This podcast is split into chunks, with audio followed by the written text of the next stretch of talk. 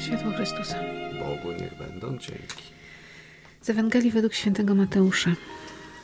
Jezus powiedział do tłumów: Zaprawdę powiadam wam, między narodzonymi z niewiast nie powstał większy od Jana Chrzciciela, lecz najmniejszy w Królestwie Niebieskim większy jest niż on. Od czasu Jana Chrzciciela aż dotąd Królestwo Niebieskie doznaje gwałtu, a zdobywają je ludzie gwałtowni. Wszyscy bowiem prorocy i prawo prorokowali aż do Jana. A jeśli chcecie uznać, to on jest Eliaszem, który ma przyjść. Kto ma uszy, niechaj słucha. Oto słowo Boże. Bogu niech będą dzięki.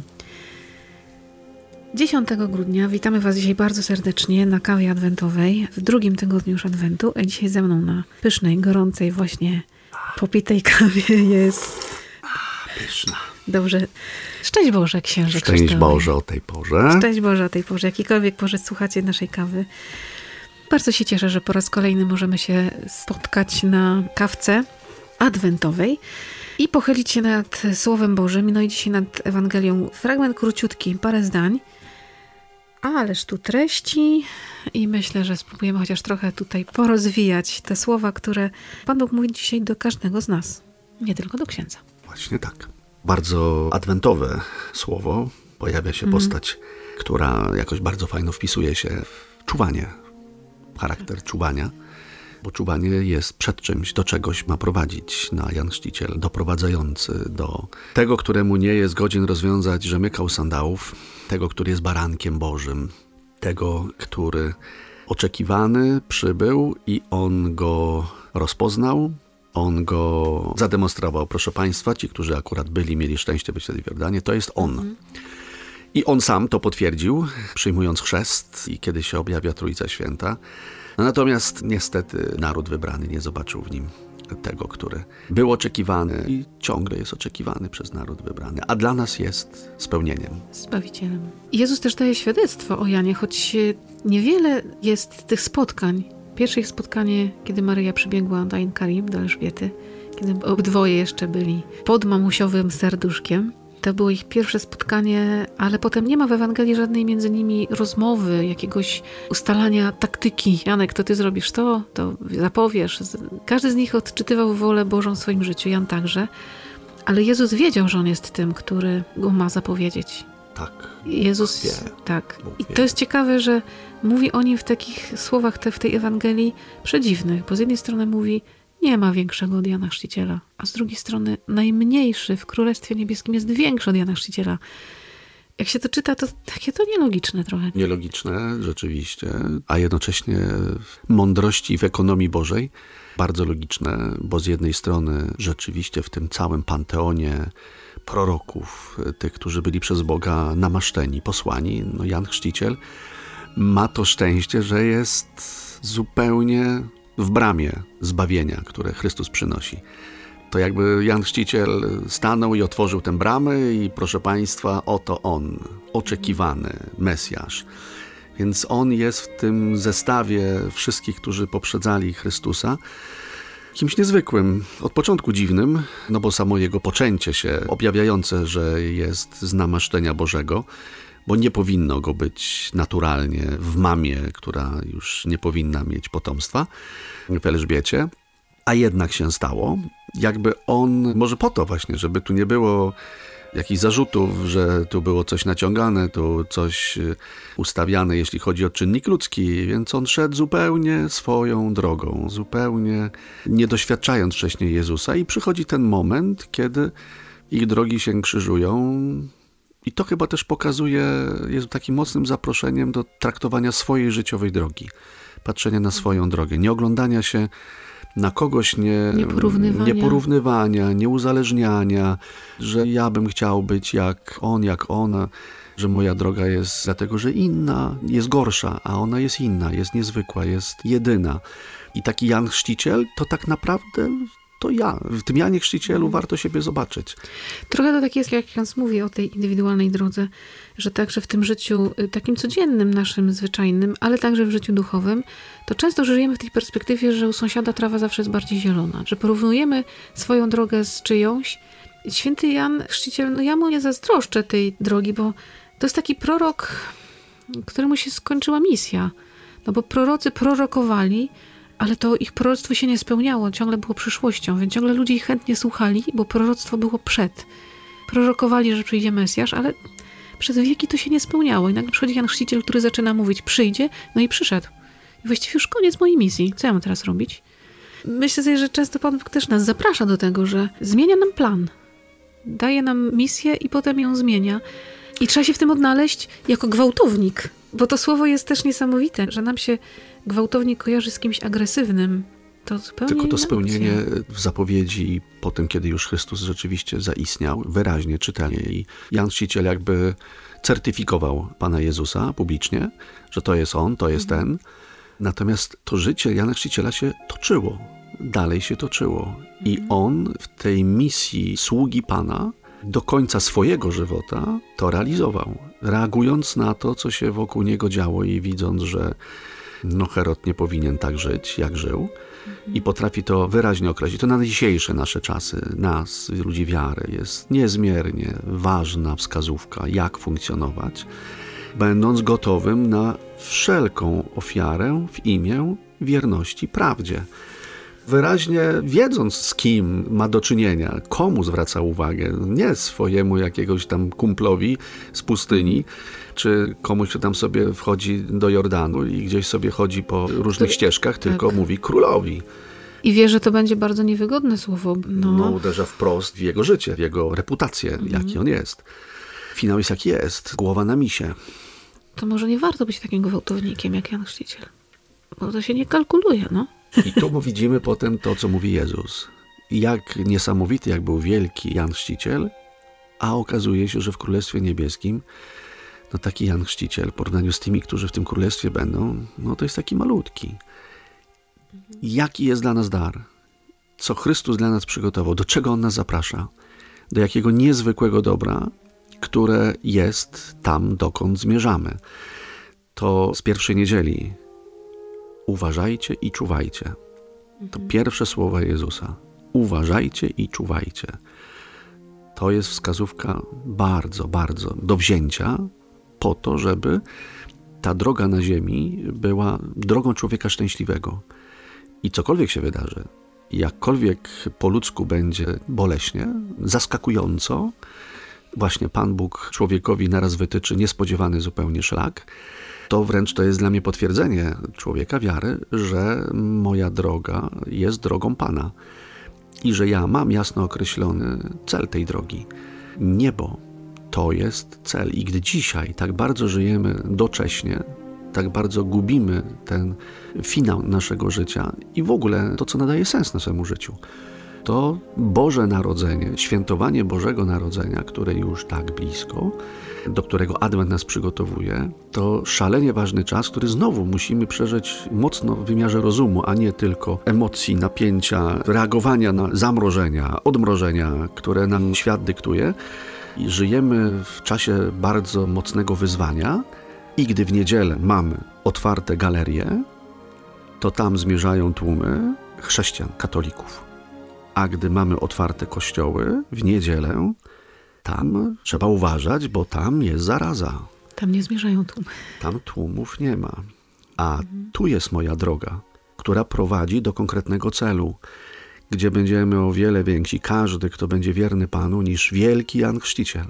Dlatego Adwent jest takim czasem, żeby dokonać pewnej głębokiej refleksji nad sensem swojego życia, nad swoją drogą i dokonać weryfikacji. Jeżeli za bardzo się wkręcić, czy to w lęk przed chorobą, przed zarazą, przed śmiercią nawet, tylko że tu chodzi o to, żeby w Adwencie spróbować umierać sobie samemu, w tym, co niestety oderwało się jakoś od drogi Bożej, a dać się Bogu prowadzić jako człowiek, który, jak Jan Chrzciciel, zaufał, idzie drogą Bożą i jest gotowy na wszystko.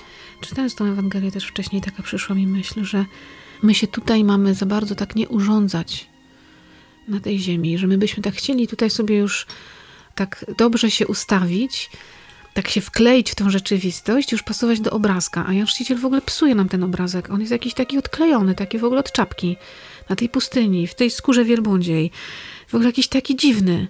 On wtedy był znakiem Człowieka wolności. wolnego. Tak. Człowiek wolny, który tę wolność ma od Boga i on żyje niestandardowo, ale żyje w dobru, bo można żyć dzisiaj niestandardowo i zresztą dzisiaj to się często dzieje, ale ma się potem na innych taki, a nie inny wpływ.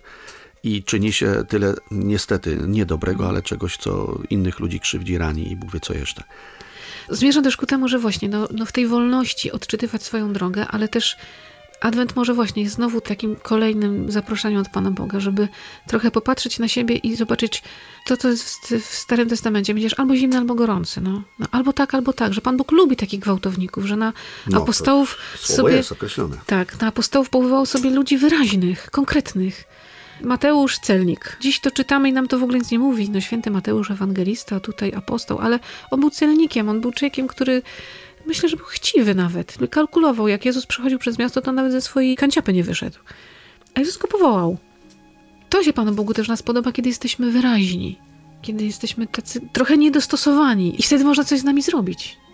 Można zacząć rozmawiać, można zacząć coś tworzyć, bo jak ktoś jest taki nijaki, taki wklejony w rzeczywistość i go nie widać w ogóle, jak jest taki szary obrazek i tam się nic nie rzuca w oczy, to nie da się nic zrobić, nie? No, ale to jest bezpieczne. bardzo. To I to, to ciągnięcie bezpieczne. teraz w świecie, który mamy, że mamy się wpisywać w te nurty, no płynięcie pod prąd jest bardzo niepopularne. Po pierwsze dlatego, że przeszkadzasz wszystkim, bo wszyscy sobie płyną z prądem spokojnie, tu nagle jest ktoś, kto mówi inaczej. Po drugie, to jest też osobisty wysiłek, bo trzeba się przedzierać, ścierać i nie ulec temu myśleniu, wszyscy płyną w drugą stronę, to może tylko jestem jeden idiota. Może ja płynę źle, ale Pan Bóg mówi wyraźnie, tak jak Jan Chrzciciel pokazuje też, nie? że ta gwałtowność też polega na tym, że ja odczytuję wolę Boga i ja będę do niej dążyć. Nawet jeżeli wszyscy będą mi mówić, jesteś głupia. Niesamowicie trudne to jest. To też y, może być przetestowane właśnie w zbliżającym się czasie, czyli przy stole wigilijnym. Bo może przy jakiejś ogólnej aurze, że jest to świąteczny czas, jak to słyszymy, magiczny czas. Magiczny święty. Magiczne święta i na tym się kończą reklamy. Magiczne święta. Wtedy można się jakoś wszelako w tym odnaleźć. Jakąś atmosferę nienormalności, niezwykłości tworzymy w domu, jakąś tam inszą kolację sobie przygotowujemy, świeczuchnę czy nie, jakąś sobie tam nie wiadomo dlaczego zapalimy. Jest uroczyście jakoś, natomiast nie ma istoty, że to są radosne święta Bożego Narodzenia i że być może w domu będzie wielka próba, wiedząc jakie są w domu układy, kto jak funkcjonuje, żeby spróbować jednak objawić, że to jest Boże Narodzenie. I te elementy wieczerzy wigilijnej, które mają to objawić, które mają nadać odpowiedni ton, odpowiedni wyraz tej wieczornej, domowej liturgii, żeby je mądrze, z miłością, rozsądnie, roztropnie, ale odważnie przeprowadzić. Wielu myśląc o świętach już ma w sercu lęk o tej porze, bo zna realia domowe, wie jak ten wieczór może, czy poprzednich latach przebiegał. No i może to jest ten adwent, który zaprasza do tego i właśnie ta adwentowa kawa, która jest słuchana i jest po to, żeby pomóc w nabieraniu mocy Pobudzić. ludzi wiary. Pobudzić nas do gwałtowności. Gwałtownicy. Nie chodzi o to, żeby komuś gwałt zadawać, to chyba trzeba zadać najpierw sobie gwałt, temu co jest we mnie taką próżnością, takim rozleniwieniem, taką przeciętnością, szablonem, no, no znowu święta, no i znowu już Święta, święta. po świętach będziemy niestety zmęczeni, bo przed świętami nie tylko dni powszednie, ale nawet wszystkie niedziele do biegania, szukania jakichś tam zakupów, robienia prezentów itd., itd.